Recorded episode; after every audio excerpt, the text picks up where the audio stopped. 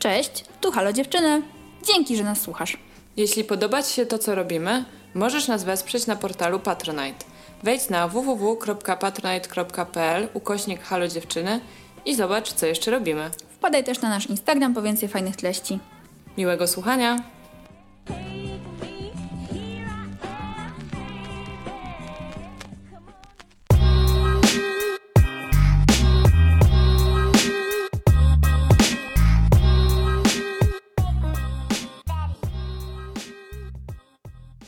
Cześć, ja jestem Zosia Cześć, ja jestem Ula. i to jest nasz podcast Halo, dziewczyny. Halo, halo, dzień dobry. Dzisiaj jesteśmy tutaj we cztery, bo mamy dwie gościnie. Są z nami Hania Ferenc-Hilsden oraz Agata Motlak-Lutyk. Cześć. Cześć. Cześć. tak zwane bałaganiary, czyli założycielki i właścicielki marki Balagan. I projektantki. Dziewczyny, może znacie markę Balagan czy nie? My znamy i bardzo lubimy, bo ma super buty, torebki, akcesoria. Buty i torebki to jest coś, z czym często wychodzimy na miasto. W sumie miałyśmy Zosiu taką sytuację, że jednego dnia miałyśmy dwie takie same torebki od was wychodząc. Tylko Zosia Rofa SK, ja MK. Dziewczyny, jakbyście mogły na początku przybliżyć naszym słuchaczom coś o was, bo tu jest taka sytuacja, że wy macie wspólną firmę i się przyjaźnicie. Mamy wspólny podcast i się przyjaźnimy. Tak A jest. do tego, Zofia, Tak, no jeszcze ja z Agatą się przyjaźnię już bardzo długo, więc przyjaźni. jest tu krąg przyjaźni i bardzo się cieszę, że po, po latach trwania naszego podcastu udało nam się spotkać na tę rozmowę o przyjaźni, o wspólnej pracy. Myślę, że wszystkie cztery mamy tutaj dużo do powiedzenia na ten temat, więc jedźmy z tematem. Ale właśnie najpierw jakbyście mogły nam dziewczyny przybliżyć waszą wizję i misję waszej marki i dlaczego ona jest taka, jaka jest. Dlaczego jest taka, jaka jest? Trudne Może najpierw pytanie. powiedzcie, jaka jest. Jaka jest? No myślę, że jest właśnie przyjazna, że jest ciepła, że jest nastawiona na, to znaczy produkty są nastawione na wygodę, że ta komunikacja marki, cały ten brand, zależy nam na tym, żeby był bardzo taki autentyczny, odzwierciedlający właśnie to, jakie my jesteśmy, na czym nam zależy.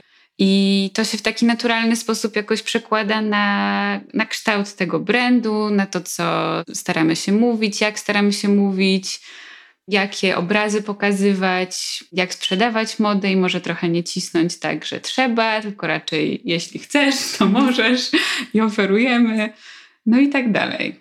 Firma Balagan sprzedaje i my się zajmujemy projektowaniem w tej marce buty i torby, które są takie super uniwersalne, ponadczasowe, mamy nadzieję, w swoim designie i są wykonane ze skóry naturalnej, ale też od niedawna pojawiła się kolekcja wegańska i staramy się właśnie sprzedawać dla takich osób, które chciałyby używać materiałów nie pochodzenia zwierzęcego. Ja bym tylko dodała, że jest również e, w 99% biodegradowalna. Tak, To jest jakąś ważną częścią tego projektu. Mhm. E, I co sprawiło, że przygotowanie tego projektu i wypuszczenie go jako produkt e, zajęło nam ponad rok Mhm. czasu. No to jest bardzo ciekawe dla mnie, bo pamiętam jak my rozmawiałyśmy o tym i właśnie Agata opowiadałaś mi o waszych poszukiwaniach i okazało się, że wegański produkt dobrej jakości, taki, który faktycznie jest przyjazny środowisku, wcale nie jest czymś takim łatwym do osiągnięcia, więc mega szacun za to, że, że udało wam się coś takiego znaleźć.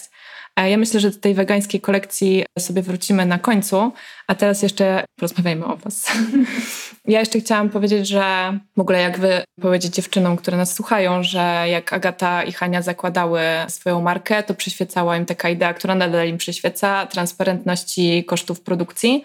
Więc jak wejdziecie sobie na stronę do sklepu online i klikniecie w dany produkt, to poniżej macie taki diagram, już nie pamiętam, czy on jest teraz kołowy, czy jakiś paskowy, czy inny, gdzie mm, widzicie, jak się rozkłada, na co się rozkłada cena tego produktu, co dla mnie jako konsumentki jest super fajne, bo zwłaszcza właśnie w przypadku takich lepszych marek, powiedziałabym na granicy luksusowych, cena jest może nie tyle problematyczna, bo ona często jest wysoka, ale jakby fajnie jest wiedzieć, za co właściwie płacisz i czy ty tylko płacisz za to, że ktoś tutaj doszył swoją metkę, czy faktycznie to jest tak, że ten produkt jest wart tej ceny i właśnie produkty balaganu nie dość, że są warte tej ceny, bo to jest jakby wszystko po prostu precyzyjnie rozpisane, no to jeszcze są rzeczywiście bardzo dobrej jakości, bo my z Ulą jako użytkowniczki od lat testujemy różne wasze produkty. Na razie zdają egzamin celujący. Akurat dzisiaj mam ze sobą torebkę, która była pierwszą, jedną z pierwszych rzeczy, jaką w ogóle zakupiłam w balaganie i mam ją od, nie wiem, pięciu czy sześciu lat. Poza tym, że jest trochę brudna, to jest moja wina, to e, nic jej nie jest. Także i wygląda coraz lepiej, jeśli chodzi o sposób, w jaki skóra się starzeje. Więc jest to naprawdę taki, są to naprawdę ponadczasowe produkty. Taką zrobiłam wam laurkę. No teraz nawet, no bardzo miła laurka. Chciałam dodać, że teraz nawet mamy produkty do odczyszczenia tej torebki. Takie spreje, wszystko właśnie też biodegradowalne, więc y, można też o te rzeczy dbać. No właśnie taka jest trochę idea, żeby móc kupić rzecz i używać ją przez wiele lat i, i żeby ona nam dobrze służyła. A z tą transparentnością cen, no to też jest taki aspekt, który wyszedł bardzo gdzieś tam naturalnie, bo na początku zakładając markę jeszcze w w takim bliskim kontakcie z zaprzyjaźnionymi elementami. Rozmawiałyśmy jakby o tym, nie znając się zupełnie na tej branży, jak to jest, że często kupując, um, znaczy my nie, nie dokonywałyśmy takich wyborów, bo nie było nas na to stać, ale jak to jest, że kupując u właśnie lokalnych marek musimy płacić tak bardzo wysoką cenę? Z czego to wynika? Czy to jest właśnie tylko ten hype tej metki? I, i no tak, no i właśnie też dlatego chcemy komunikować to naszym klientkom, z czego ta cena wynika, tak? Jaka jest proporcja ceny produkcji do marży, nie wstydzimy się o tym powiedzieć, że jakaś część tej ceny, którą ktoś płaci za produkt, to jest nasz zysk, bo zysk też jest po to, żeby. No po to prowadzicie biznes. Po to prowadzimy biznes, po to jakby też chcemy rozwijać tą firmę, więc tak, ale staramy się właśnie mówić o tym i gdzieś tam może nawet edukować, że produkowane lokalnie rzeczy no, mają swój koszt i wartość.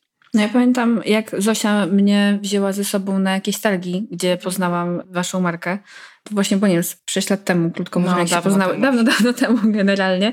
To ja właśnie byłam zachwycona tą transparentnością, bo to było z początku, a ja to tylko znałam z jakichś amerykańskich sklepów, w których robiłam zakupy, mhm. gdzie trzeba było potem jeszcze zapłacić transport, cło, co już jak wiadomo, jeszcze wtedy wiecie, no, ślad węglowy może nie był mi tak, tak do końca rozumiałam to, czym to jest, ale już jakoś tam budziło wątpliwości, ale było, Jezu, czyli to jest na miejscu, nie muszę i nie muszę się przejmować tym, że wiecie, że coś potem przyjdzie, nie mogę tego odesłać, tylko mogę to podejść, zobaczyć, dotknąć i w ogóle kupić. Tak jest. Ponieważ poznałyście się na wzorkach, na wzornictwie przemysłowym w Warszawie i e, jesteście projektantkami, to ja zawsze chciałam Was o to spytać, nigdy tego nie zrobiłam. Jak właściwie powstały Wasze pierwsze projekty, kiedy jeszcze dopiero tak naprawdę miałyście markę w planach?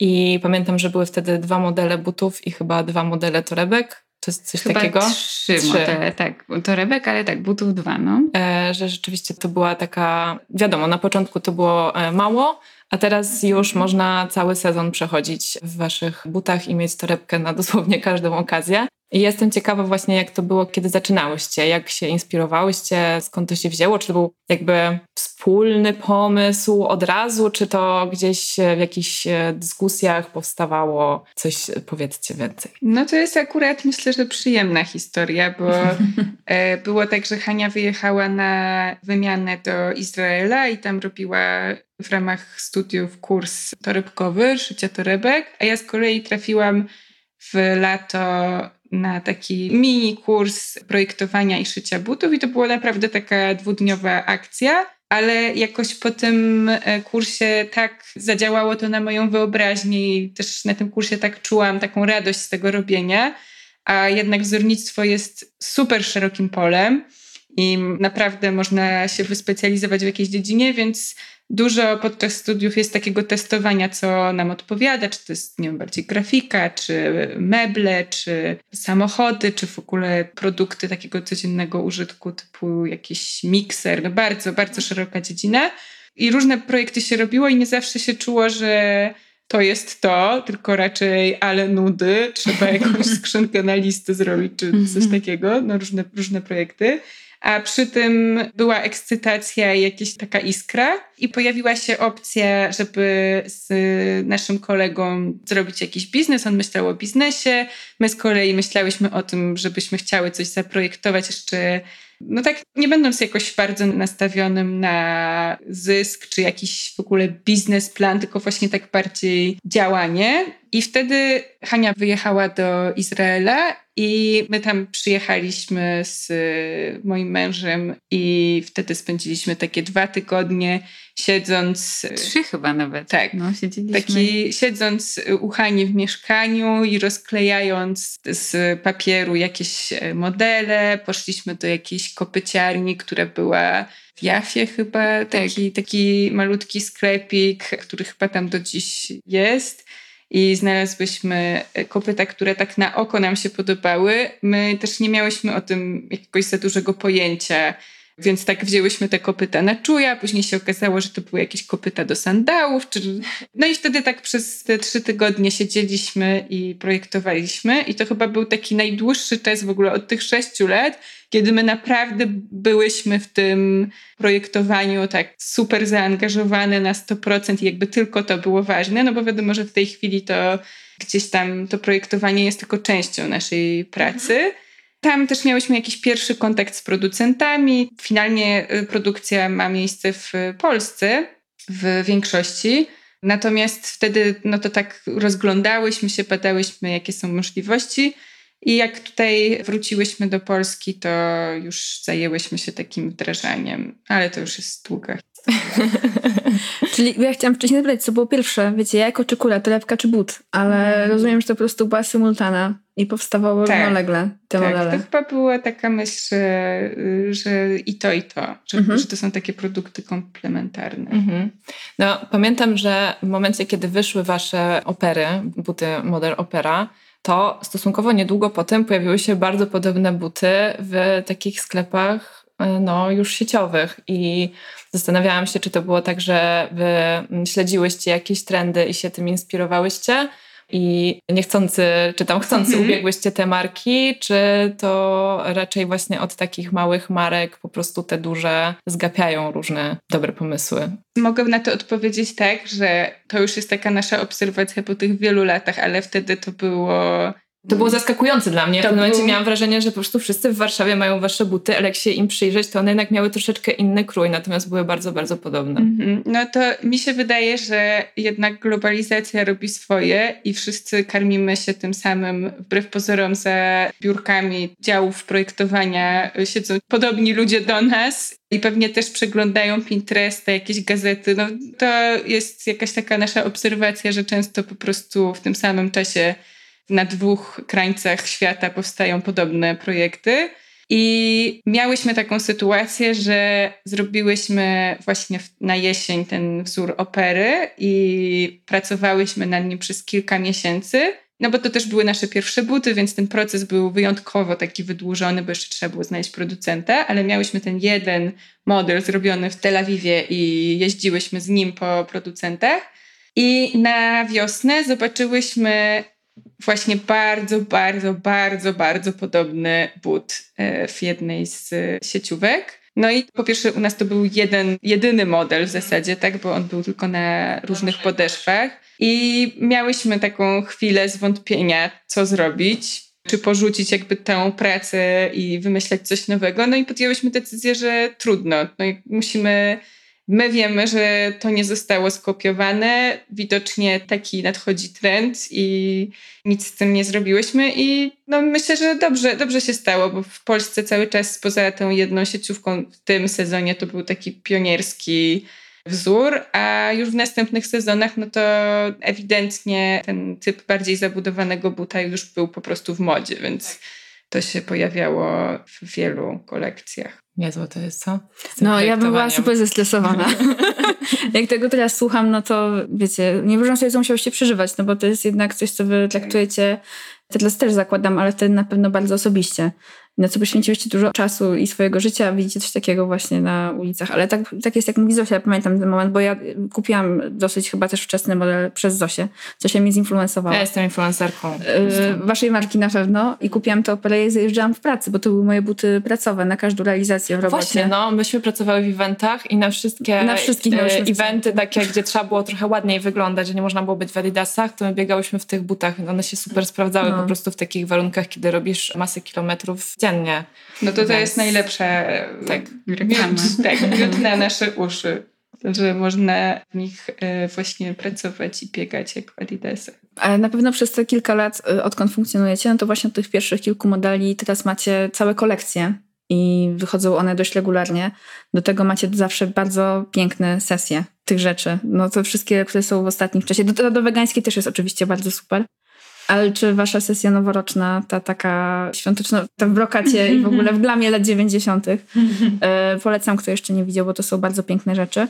Jakbyście mogły właśnie może trochę przybliżyć, jak się zmienił wasz proces twórczy przez te wszystkie lata? Bo zakładam, że tak jak właśnie już powiedziałaś Agata, kiedyś było głównie projektowanie na samym początku, a później sprawa się komplikuje i te proporcje między różnymi kapeluszami, jakie musicie zakładać, zakładam, że się po prostu zmieniają.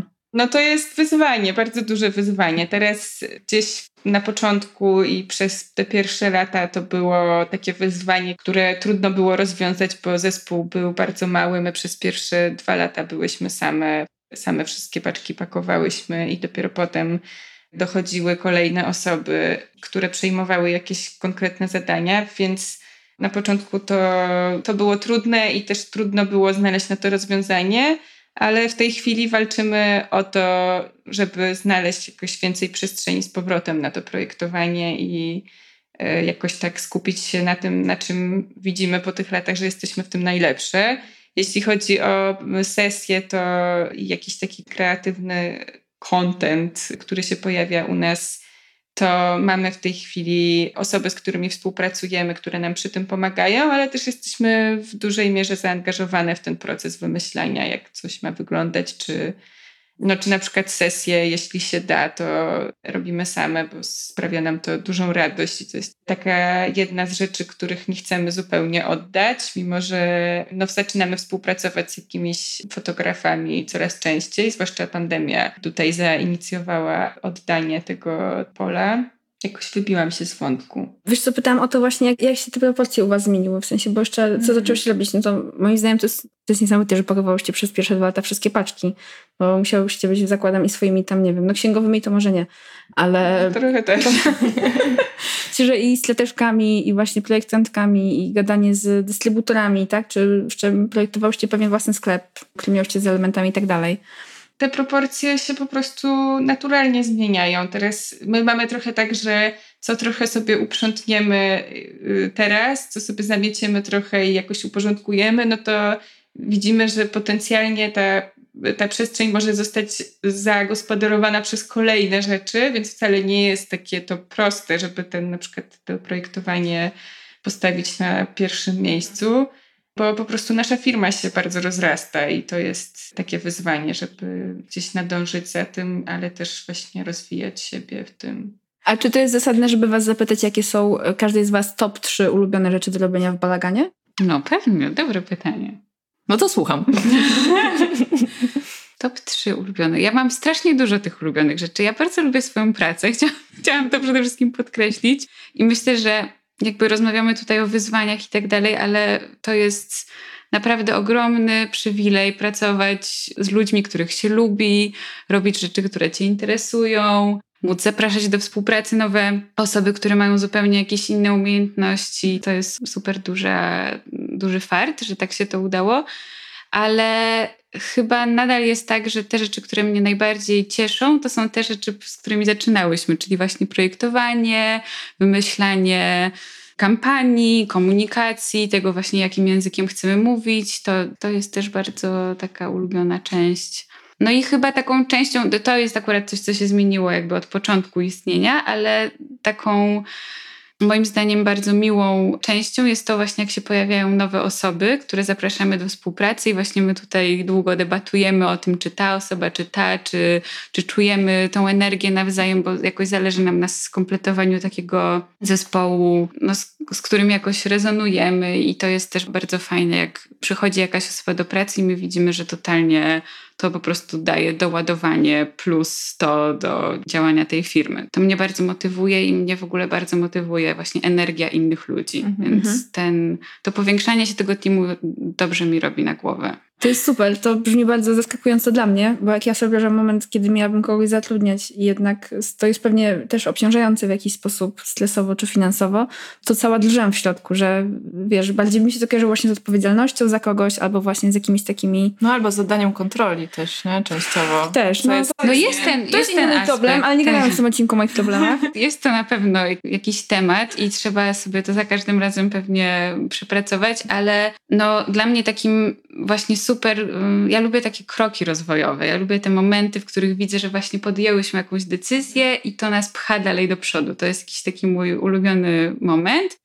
I właśnie jak na przykład zaprosiłyśmy do współpracy taką dziewczynę, która teraz pracuje z nami już prawie trzy lata i pomaga nam rozwijać biznes, i ja zobaczyłam, że ona po prostu wypełniła tę lukę umiejętności, których my zupełnie z Agatą nie mamy. Jakby trudno nam było strasznie je nabyć, bo też nigdy się nie chciałyśmy rozwijać w finansach, w jakby... Ja myślałam przez chwilę o studiowaniu biznesu, ale chyba bardziej z potrzeby, a nie z tego, że naprawdę mnie to ciekawi.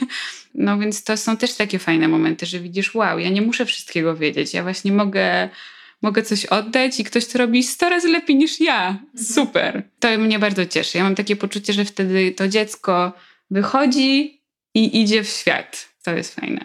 Mi się wydaje, że ja osobiście tak e, miałam, że to oddawanie kontroli było trudne na początku, gdzie właśnie z takiego miejsca, gdzie wszystko robiłyśmy same, przejść nagle, że oddaje się cokolwiek. To był taki trudny moment i też to było no, jakoś dużo stresu z tym, czy to na pewno zadziała, ale jak zobaczyłyśmy tam po pierwszych e, osobach, z którymi pracowałyśmy, że one nawet robią to lepiej niż my, no to to było takie uwalniające i teraz ja na przykład nie mam już problemu z tym, żeby zatrudniać kolejne osoby, chociaż mnie osobiście to stresuje, no bo jakby sam proces rekrutacyjny, skoro już zostało to poruszone, no bo Czasami trudno jest zweryfikować czyjeś kompetencje czy umiejętności, jeśli się samemu ich nie ma, więc to mhm. jest zawsze jakieś takie ryzyko, że ktoś może namalować piękny obraz siebie, a później, a później na przykład po prostu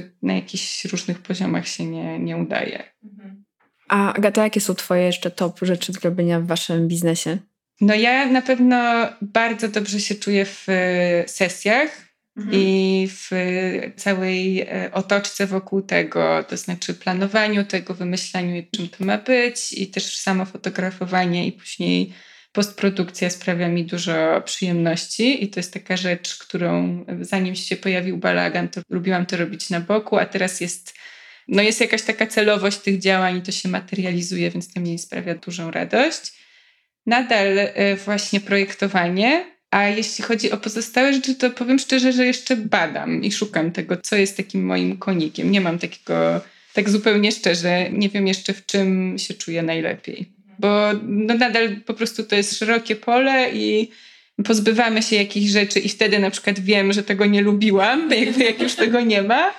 A są takie rzeczy, które są neutralne i okej okay, jest jak to robię, ale właśnie jeśli chodzi o takie znalezienie tego, do czego chciałabym ograniczyć tylko i wyłącznie swoją pracę, bo to jest w ogóle trochę jakiś taki cel, o którym rozmawiamy z Hanią, że chciałybyśmy finalnie docelowo pracować mniej. No to to jest proces jeszcze. Mhm. Mhm. A nie da się ukryć, że marka Balagan to jesteście wy i od początku byłyście twarzami, nie byłyście jakimiś anonimami za, y, za firmą, tylko już jak były z wami różne wywiady, jak opowiadałyście właśnie o tej misji y, transparentności, to zawsze pojawiałyście się z imienia i nazwiska i od jakiegoś czasu też się często pojawiacie w swoich social mediach ze swoimi twarzami, już nie, nie tylko można tam zobaczyć zdjęcia, ale też wy na przykład mówicie do kamery. Ja uważam, że to jest super, bo to jest takie uczłowieczające właśnie na maksa markę.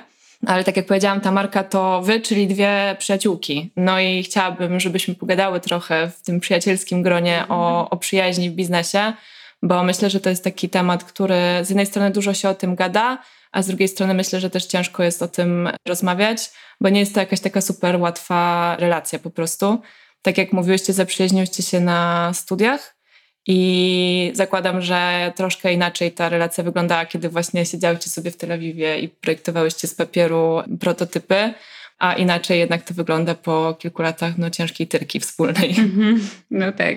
No my się w ogóle poznałyśmy jeszcze przed studiami. Tak, przed naprawdę. studiami, przepraszam. Na takich kursach przygotowawczych do ASP i to w ogóle dla mnie jest jakiś taki. No, ciekawe jest pomyśleć właśnie o początkach tej naszej relacji, bo dla mnie to jest jakiś też taki symbol tego, że właśnie my od początku byłyśmy dla siebie po to, żeby się dopingować, żeby właśnie napędzać się, że, że damy radę. No, obie bardzo marzyłyśmy o tych studiach. Ktokolwiek próbował dostać się na ASP wie, że to jest super stres, że ten egzamin jest strasznie stresującym doświadczeniem i nie wiesz właśnie też, czy to, że postawiłaś na tą jedną kartę się opłaci, czy nie. A my jakoś z Agatą dużo właśnie spędzałyśmy razem czasu i właśnie dopingowałyśmy się w tym, żeby to się udało. I ja jakoś widzę taką kontynuację tej energii właśnie takiej twórczej teraz właśnie w naszej pracy i na pewno jakby prowadzenie wspólnie firmy wprowadza dużo takiej powagi do, do takich codziennych interakcji, ale ta energia i ta wymiana twórcza wydaje mi się, że dalej jest takim korem tej naszej przyjaźni. Tak bym to powiedziała, no. A miałyście tak na przykład, że był taki moment, kiedy stwierdziłyście, że musicie zacząć wprowadzać pewne rozgraniczenia, że na przykład kiedy idziecie razem na kawę czy na drinka, to nie rozmawiacie o balaganie. To było trudne. No domyślam się, czy właśnie był taki moment, kiedy zauważyłyście, że to wszystko wam się już jakoś strasznie miesza i że trzeba to poukładać? No, mi się wydaje, że pewnie same wiecie, jak robicie coś, co kochacie, że trudno jest, nawet będąc samemu ze sobą, wyłączyć tą głowę i nie myśleć o tym, więc mi się wydaje, że my bardzo dużo też w tym prywatnym jakby kontakcie rozmawiamy o balaganie. Nie no spoko, nie ma w tym nic złego. Nie ma w tym nic złego, no właśnie, chyba to jest też taka kwestia perspektywy, że ja też właśnie bardzo tak głęboko w to wierzę, że balagan jest jakąś taką sumą właśnie nas i, i, i naszej wrażliwości, i naszych osobowości i tego, że właśnie dużo rozmawiamy o tym, jak chcemy, żeby ta firma się rozwijała, a jak nie chcemy, żeby się rozwijała i to jest no to jest temat. Trudno, trudno by było to porzucić i teraz po prostu płynąć na fali, bo wtedy to nie byłoby chyba takie dobre, tak mi się wydaje. A czy w całym waszym, no bo znacie się w takim razie w tym momencie ponad 10 lat, mniej więcej, No, jeśli tak, dobrze tak. liczę, to to już, z Tak, czego tak, tak. ponad 5 pracujecie więcej, intensywnie razem, codziennie. No więcej, Sześć, więcej, bo tak. my Mhm. też y, właśnie chyba to jest dobre, o czym Hania mówi, że my pracowałyśmy ze sobą tak naprawdę od początku studiów, bo w, na naszych studiach mnóstwo projektów robi się razem, więc gdzieś miałyśmy już taki czas współpracy. No ta oś, oś tej przyjaźni jest wokół właśnie jakichś działań i projektów. I Tak, jakoś zawsze tak było, że właśnie na studiach jakieś projekty zawsze nas ciągnęły do siebie, żeby to robić razem. Jakoś, nie wiem, może na początku intuicyjnie, ale chyba czułyśmy, nie wiem, ja czułam, że my się dobrze rozumiemy, że mamy podobną estetykę i jakoś no zupełnie intuicyjnie, ale tak nas ciągnęło, żeby zawsze coś robić Po razem. prostu patrząc wstecz można to zinterpretować, że po prostu przetestowałyście się na tak, studiach Tak, tak, tak. tak. i był potencjał po prostu, żeby wasza Tak, intuicja tak. uznała, dobra, można w to iść dalej. Tak. A czy przez te właśnie wszystkie lata wspólnej pracy były jakieś rzeczy w waszych działaniach takie, które wystawiły waszą przyjaźń czy waszą relację na próbę? No myślę, że cały czas są takie rzeczy, wiesz, to jest y, jak pracujesz razem, no to cały czas ścierasz się, bo my też pracujemy na takim, poza jakimiś takimi twardymi rzeczami, które łatwo jakoś rozsądzić, bo można przekonać się argumentami na przykład, no to są też takie obszary, które są podoba się, nie podoba się. Jakby tutaj trudno jakiś znaleźć taki argument merytoryczny, tylko rozmawiamy o jakichś emocjach i estetyce, i tutaj gdzieś ta nauka tego pójścia na jakieś ustępstwa, czy no to to jest cały czas. I czasami w, w ramach tego wchodzą jakieś mocniejsze przeżycia, tak? W sensie mam na myśli jakieś większe spory. Czasami właśnie nie ma sporów, ale okazuje się, że po czasie po prostu się to zbiera, jakieś nerwy z tym związane, więc nie wiem, czy dobrym słowem jest wystawienie na próbę, bo ta relacja się po prostu cały czas zmienia i kształtuje i ona jest czymś innym niż była rok temu, a pewnie zupełnie czymś innym niż była sześć lat temu. Więc chyba to nie jest tak, że ta nić jest zerwana kiedykolwiek, albo tylko ona po prostu jakoś idzie swoją drogą. Super. Super. No my z Ulą mamy trochę e, może krót... Znaczy nie, my mamy ze sobą dosyć długi staż pracy, bo my właśnie też zaczynałyśmy od wspólnej pracy, bo tam się poznałyśmy. My co prawda nie prowadzimy biznesu, ale no też po tak naprawdę takich dwóch latach pracy niezaburzonej, właściwie żadnymi konfliktami, weszłyśmy w pewnym momencie na takie pole, kiedy zaczęłyśmy się trochę ścierać. Miałyśmy właśnie jakieś takie spiny, które bardzo długo nie były wypowiadane i potem się właśnie kumulowały w coś grubszego i trzeba było właśnie usiąść i przeprowadzić jakąś trudną rozmowę. Ale to y, dla mnie jest bardzo cenne też w tej przyjaźni, że właśnie ona właśnie nie to, że została wystawiona na próbę, tylko po prostu przeszła sobie na jakiś kolejny level skilla przyjacielskiego, mhm. e, bo tej przyjaźni też trzeba się po prostu uczyć i my o tym w sumie dużo mówimy, że bardzo wiele czasu poświęcamy na myślenie o związkach, o tym, jak budować relację romantyczną, a relacja przyjacielska też wymaga pracy i ćwiczenia i słuchania no i otwartości na to, że ona się będzie, będzie zmieniała. Więc super, że to macie, bo to nie jest takie oczywiste dla wszystkich. No ja myślę, że praca jest naprawdę takim bardzo specyficznym polem, które ja to tak widzę, że ona nie generuje tych konfliktów, czy w ogóle jakichś potencjalnych przyjaźni, problemów, tylko jest raczej takim, no to jest tak intensywna relacja przez to, że jesteś narażony na to ścieranie się, ponieważ prowadzimy większość projektów razem i podejmujemy jakieś super ważne decyzje, ale też te małe decyzje projektowe, to bardzo dużo jesteśmy czasu ze sobą i to sprawia, że gdzieś po prostu ta intensywność w mojej ocenie wpływa na to, że niektóre jakieś rzeczy, których można przeoczyć w jakiejś innej relacji albo się po prostu nie zwraca na to uwagi, są uwypuklone w tej, bo po prostu jesteś z kimś, no tak jak z partnerem często się okazuje, jak zaczynasz z nim mieszkać, no to, że, to że, że są jakieś rzeczy, które cię wkurzają. No myślę, że to też jest takie całkiem naturalne, a też rzadko się o tym mówi, że przyjaciele mogą nas wkurzać i mm. że w ogóle bliskie osoby nas wkurzają i dla mnie kiedyś to był straszny problem i ja siebie jakoś tak, nie wiem, samobiczowałam, że właśnie, nie wiem, wkurzam się na swoją mamę, że wkurzam się na swoje przyjaciółki, a prawda jest taka, że to wkurzanie się też pokazuje, że nam zależy na tej osobie i że ona jest nam bliska i ona po prostu ma na nas gigantyczny wpływ, bo gdyby była nam obojętna, to też te takie emocje, nawet trudne, by się, by się nie pojawiały. Tak, ja myślę, że w ogóle właśnie takie założenie, że dobra relacja to jest taka, w której nie ma konfliktów, jest jakoś bardzo mi obce. Jakby nie, nie mówię, że moja rodzina to jest jakiś taki, wiecie, włoski model, że rzucamy talerzami i tak dalej, ale dużo tam jest ostrej wymiany zdań, czy jakiegoś takiego. No ja po prostu nie wyobrażam sobie, czy w mojej relacji z moim mężem, czy właśnie z Agatą, nie wyobrażam sobie jakby jeśli coś jest nie tak, coś jest, mm, no nie wiem, pojawia się jakiś konflikt, żeby o tym nie gadać, bo to po prostu wtedy urasta w jakąś gulę i kończy się jakimiś wyrzodami żołądka. Albo wybuchem wulkanu. Albo wybuchem wulkanu na przykład, tak.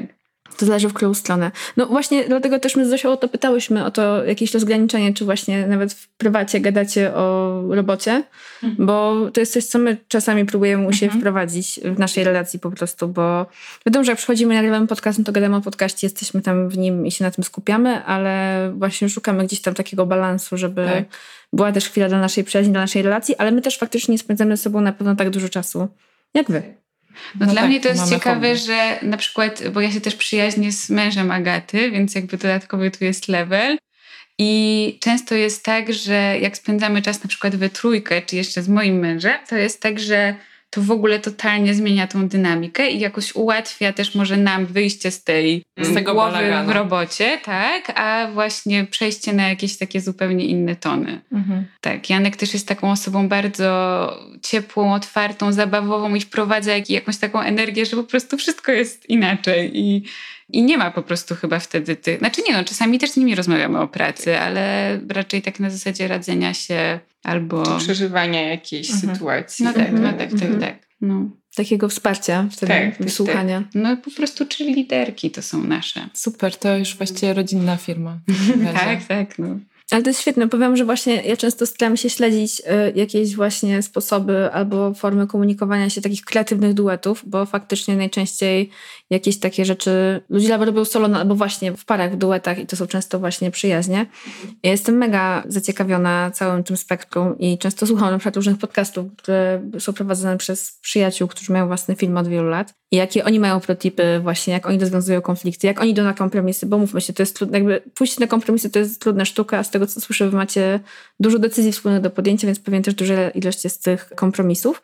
A czy macie tak, że właśnie każda decyzja, jaką podejmiecie, musi mieć taką pieczątkę zgody i od Hani, i od Agaty? Czy po prostu sobie coś dzielicie i jakby tam już wtedy w to nie wchodzicie? Chyba, chyba coraz mniej. Też autentycznie pracujemy nad tym, żeby jakoś tak rozdzielać te rzeczy, bo ich jest po prostu coraz więcej i to by było trudne, gdyby każda z nas miała dawać pieczątkę na wszystko. Ale w takich kluczowych rzeczach lub y, obszarach, w których na przykład nie ustalałyśmy, że to jest Twoja działka, to jest moja działka, no to raczej staramy się ze sobą konsultować. A poza tym cały czas się pytamy o radę, tak? No ja piszę jakiegoś trudnego maila i wiem, że jakby finalnie to ja go wysyłam i mogę go puścić, ale mam jakieś wątpliwości, czy w ogóle go przeżywam i wtedy pytam się Hani, czy to brzmi tak, albo czy to jest dobrze sformułowane. Tak, trudne maile to, to znamy. Bardzo dużo maili z Ulą napisałyśmy razem, tak. może nie w podcaście, ale, ale wcześniej, tak. Tak, a stresujące maile i zobacz, czy nie, nie brzmi za bardzo tak. X. Najczęściej ja brzmię bardzo sucho i oskle, a za mało... nie jestem zbyt pasywno-agresywna. Tak. Super. No ale jeszcze tak właśnie odnośnie tego pracowania w duecie, czy w ogóle z kimś, to nasze tutaj, niezależnie od jakichś różnych etapów tej naszej współpracy, to myślę, że obydwie mamy takie podejście, że to jest bardzo na plus dla, że my to tworzymy we dwie, albo no w ogóle jakby, że w procesie twórczym jest więcej niż jedna osoba. Że to sprawia, Ale też że... ta osoba. Ja chciałam tak. podkreślić, że bo ty to często mówisz, mm. że druga osoba, ja uważam, że to nie tak, że z każdą inną osobą by to dobrze rezonowało. Ja po prostu coraz im dłużej się znamy i właśnie obserwuję te nasze cechy, ja widzę jak bardzo w tych momentach, w których ja mam dół, ty masz górę. I jakby, że to się uzupełnia.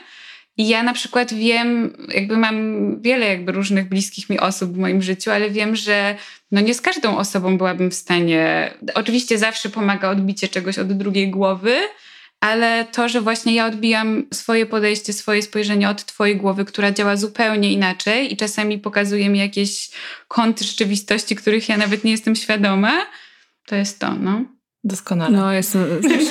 Zruszyłeś mnie, Dobra, dziewczyny, słuchajcie, powoli będziemy zmierzać do końca naszej rozmowy, ale chcę wrócić do tej wegańskiej kolekcji, bo właśnie tak jak wspominałyście, sporo czasu Wam zajęło wdrożenie tego i ktoś mógłby się zastanawiać, dlaczego aż tyle, bo wydaje się to takim naturalnym krokiem dla takiej marki, która właśnie no, jest y, mocno zaangażowana w ten zrównoważony rozwój biznesu i też w to, żeby to były produkty, które E, mają długie życie, żeby tutaj nie, nie było mowy o jakimś takim fast fashion i tak dalej.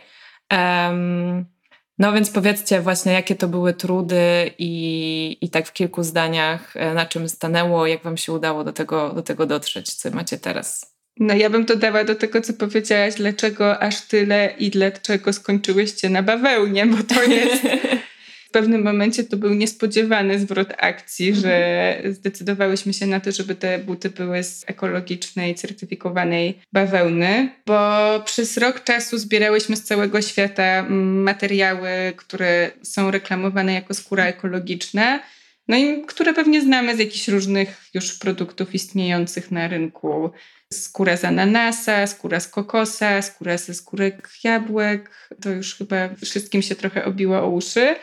I my ściągałyśmy jeszcze parę innych katalogów, które produkują takie wynalazki. No i niestety za każdym razem było to dość spore rozczarowanie, bo, bo na przykład na katalogu było napisane, jaki jest skład tej rzeczy, i okazywało się, że tam procent tych skórek jabłek jest bardzo niski, że to jest na przykład 35%, a reszta to jest poliuretan. I czasami o tym było napisane z góry, no ale ściągałyśmy ten materiał, żeby w ogóle zobaczyć, jak to wygląda, a czasami właśnie było to drobnym druczkiem, dopiero jak się dostało to do ręki. Gdzieś tam na finalnym etapie znalazłyśmy jakąś fajną markę, która robiła produkty z grzybów. To były materiały z grzybów, po czym okazało się, że ta marka jest już wykupiona przez duży koncern który ma na przykład Stella McCartney. I, I że to już jest zastrzeżone, czy tam rozwijane w ramach tego koncernu. A nam bardzo zależało, żeby to nie było tylko wegańskie, tylko żeby też było biodegradowalne, żeby już tak myśleć o tym projekcie całościowo, żeby to było dobre dla planety. Więc stwierdziłyśmy, że póki nie ma tych materiałów dostępnych, to chcemy i tak coś zaproponować i padło na tą bawełnę, która jest z ekologicznych upraw, pomieszana z bawełną z recyklingu. I skupiłyśmy się też na tym, żeby pozostałe komponenty były biodegradowalne i miały jak najlepsze właściwości, więc mamy materiał krepę i w takich sneakerach e, super ekstra podeszwy Lactae HVA. I to jest taka marka, która robi podeszwy z nieprzetworzonego mleka kauczukowego. kauczukowego, nacinanie drzew i skapywanie do formy. No jakaś taka bardzo rzemieślnicza praca.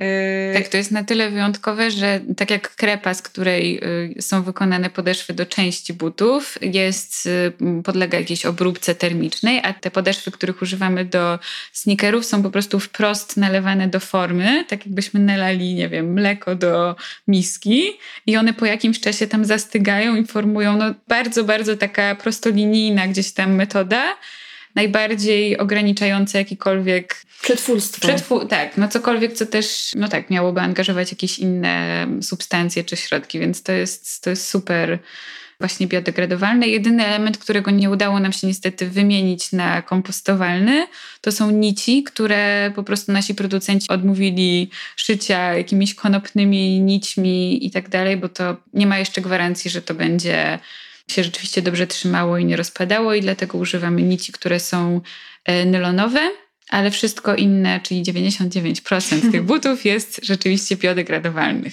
To jest jakoś bardzo nam bliskie, bo właśnie jak myślałyśmy o tym, że kurczę, no świetnie to brzmi skóra z jabłek czy z winogron i bardzo eko i można by tutaj marketingowo naprawdę szaleć, to no nie czułybyśmy się jakoś z tym okej, okay, że no, to jest finalnie sprasowany materiał, którego nie da się zutylizować, bo trochę jest tam tych jabłek, no ale jest też plastik, który nigdy się nie rozłoży i będziemy dalej szukać, właśnie tak jak Agata wspomniała, te materiały z grzybów są jakąś szansą, ale jeszcze nie są dostępne na rynku, więc na pewno będziemy to śledzić i jeśli tak się zdarzy, to zrobimy z takiej biodegradowalnej skóry, nie zwierzęcej. Wtedy zrobicie grzybutki. Grzybutki, tak. I to jest już nazwa i widzisz. No nie, grzyb, grzyb to jest generalnie król, ale ja ostatnio widziałam dziewczynę, z którą miałyście sesję zdjęciową do kolekcji wegańskiej. Mhm. Jechałam za nią, Lostach chciał rowerem, bo ona też jeździ rowerem i zobaczyłam na jakie ma buty, bo widziałam na zdjęciach, miała buty y, z waszej kolekcji, więc... Więc nie tylko na sesji je nosi. Tak, albo je kupiła, nie wiem. Ale tak, to jest w ogóle super, że o tym mówicie, bo ja znam dużo osób, które na przykład nie chcą kupować skórzanych rzeczy z pierwszej ręki, tylko właśnie szukają po second handach. I ja też się kiedyś sama złapałam na to, że chciałam chyba kupić sobie torebkę ze skóry na nasę parę lat temu, bo też właśnie byłam wtedy, że może jednak nie będę kupowała tej skóry tak od razu. No ale to była masakra. To jest w ogóle, znaczy wtedy przynajmniej było, bo ani było to miłe w dotyku, ani to nie wyglądało ładnie i faktycznie po dwóch latach ta firma, pamiętam, padła, bo po prostu chyba były same zniszczone rzeczy.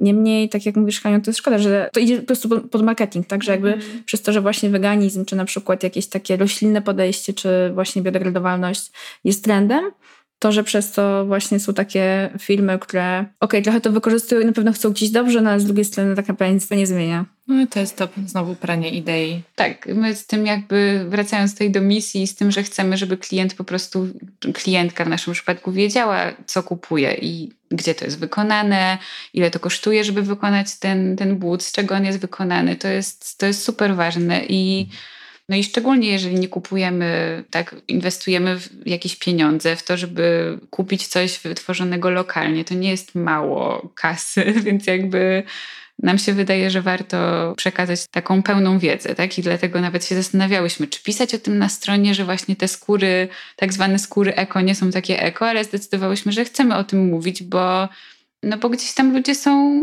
trochę oszukiwani, no. Wiesz, no właśnie ile czasu trzeba poświęcić, żeby faktycznie mm. w temat się wgryźć i zobaczyć, jak wygląda rzeczywistość i co faktycznie kupujemy. To jest super, nie tylko transparentność ceny, ale też właśnie tego składu i wydaje mi się, że dobrze, że mówicie o tym, e, chociażby dlatego, że prawdopodobnie pojawiłyby się po prostu pytania od konsumentek, dlaczego tak, a nie inaczej, więc postanowiłyście to uprzedzić i po prostu mm -hmm. powiedzieć, jak wyglądał właśnie ten proces, ten research i też ten proces twórczy I to jest bardzo ciekawe i to też bardzo zbliża do, do marki. Mhm. Więc brawo. Brawo dziewczyny. To co, macie po prostu transparentność w biznesie, transparentność w przyjaźni, przyjaźnijcie na kompromisy, w biznesie not so much, z tego co słyszymy. Dziękujemy Wam za tą rozmowę. Dzięki. Bardzo, Bardzo bardzo, mocno. Mamy nadzieję, że nasze słuchaczki i słuchacze, bo wiem, że Was też kilku jest, zadowoleni, chłopaki. nauczyliście się wiele rzeczy. Tak, mamy, czasami mamy takich mężczyzn, którzy zwracają uwagę, że za rzadko mówimy do nich, więc jakby to jest dla Was. Proszę docenić. E, dziewczyny, Witajcie w naszym, naszym świecie. Tak jest. Hello. dziewczyny, gdzie Was znaleźć można? balaganstudio.com. Tam można nas, nas znaleźć najwięcej informacji o, o butach, o, o firmie, o, o idei, o wizji i misji. Instagram, Facebook, Mysia3, Elektrownia po Wiśle. To są warszawskie adresy, tylko dodam e, na Tak. wszelki wypadek e, dla Poza osób, które są spoza. Warszawy. A poza tym tak, sklep online działa bardzo prężnie. Zachęcamy do wpadania, e, tylko przygotujcie się po prostu po pierwszym po wypłacie, bo to jest moim zdaniem najlepszy moment, żeby kupować. Mam takie plany zresztą w tym miesiącu. Ja też polecam bardzo śledzenie dziewczyn Instagrama, w sensie markowego Instagrama balaganowego, bo naprawdę są tam super zdjęcia, często robione przez mega fajne fotografki, więc możecie ku inspiracji sobie polajkować. Tak jest. To chociaż ładnie się ogląda. No. Nawet jak się nie kupuje. Nawet jak nie wszystkie modele chcecie mieć, to zdjęcia są naprawdę sztos. Tak jest. No dobra, a jeżeli macie ochotę z nami pogadać, a coś nas spytać, albo może wysłać e, jakieś podziękowania dziewczynom za tę rozmowę, to możecie do nas pisać na halodziewczyny.gmail.com I my też jesteśmy na Instagramie, tylko Tak. nie mamy tam takich ładnych zdjęć, ale to nie szkodzi. Na Facebooku też jesteśmy. Będzie nam bardzo, bardzo miło, jeżeli po odsłuchaniu tego odcinka. Oprócz tego, że wpadniecie do Bałaganiar, to wpadniecie też na iTunesa i zostawicie tam miłą recenzję, albo zasubskrybujecie nasz podcast na Spotify'u. Jest nam niezmiernie miło, kiedy polecacie naszą twórczość na Instagramie bądź gdziekolwiek indziej osobom, którym mógłby się spodobać ten odcinek albo cały podcast. Także dziękujemy wszystkim, którzy to robią i wszystkich innych zachęcamy, bo to jest dla nas bardzo miłe i przydatne też. A jak chcecie więcej naszych treści, to od tego jest nasz Patronite, nasza strona, nasz profil na serwisie Patronite, gdzie możecie sypnąć groszem, a my wtedy sypiemy wam dodatkowo odcinki i newsletter. I miłość. I miłość. za, za, złote, za złotówki. Dziewczyny, jeszcze raz dziękujemy. I do zobaczenia, do usłyszenia. Pa! Pa!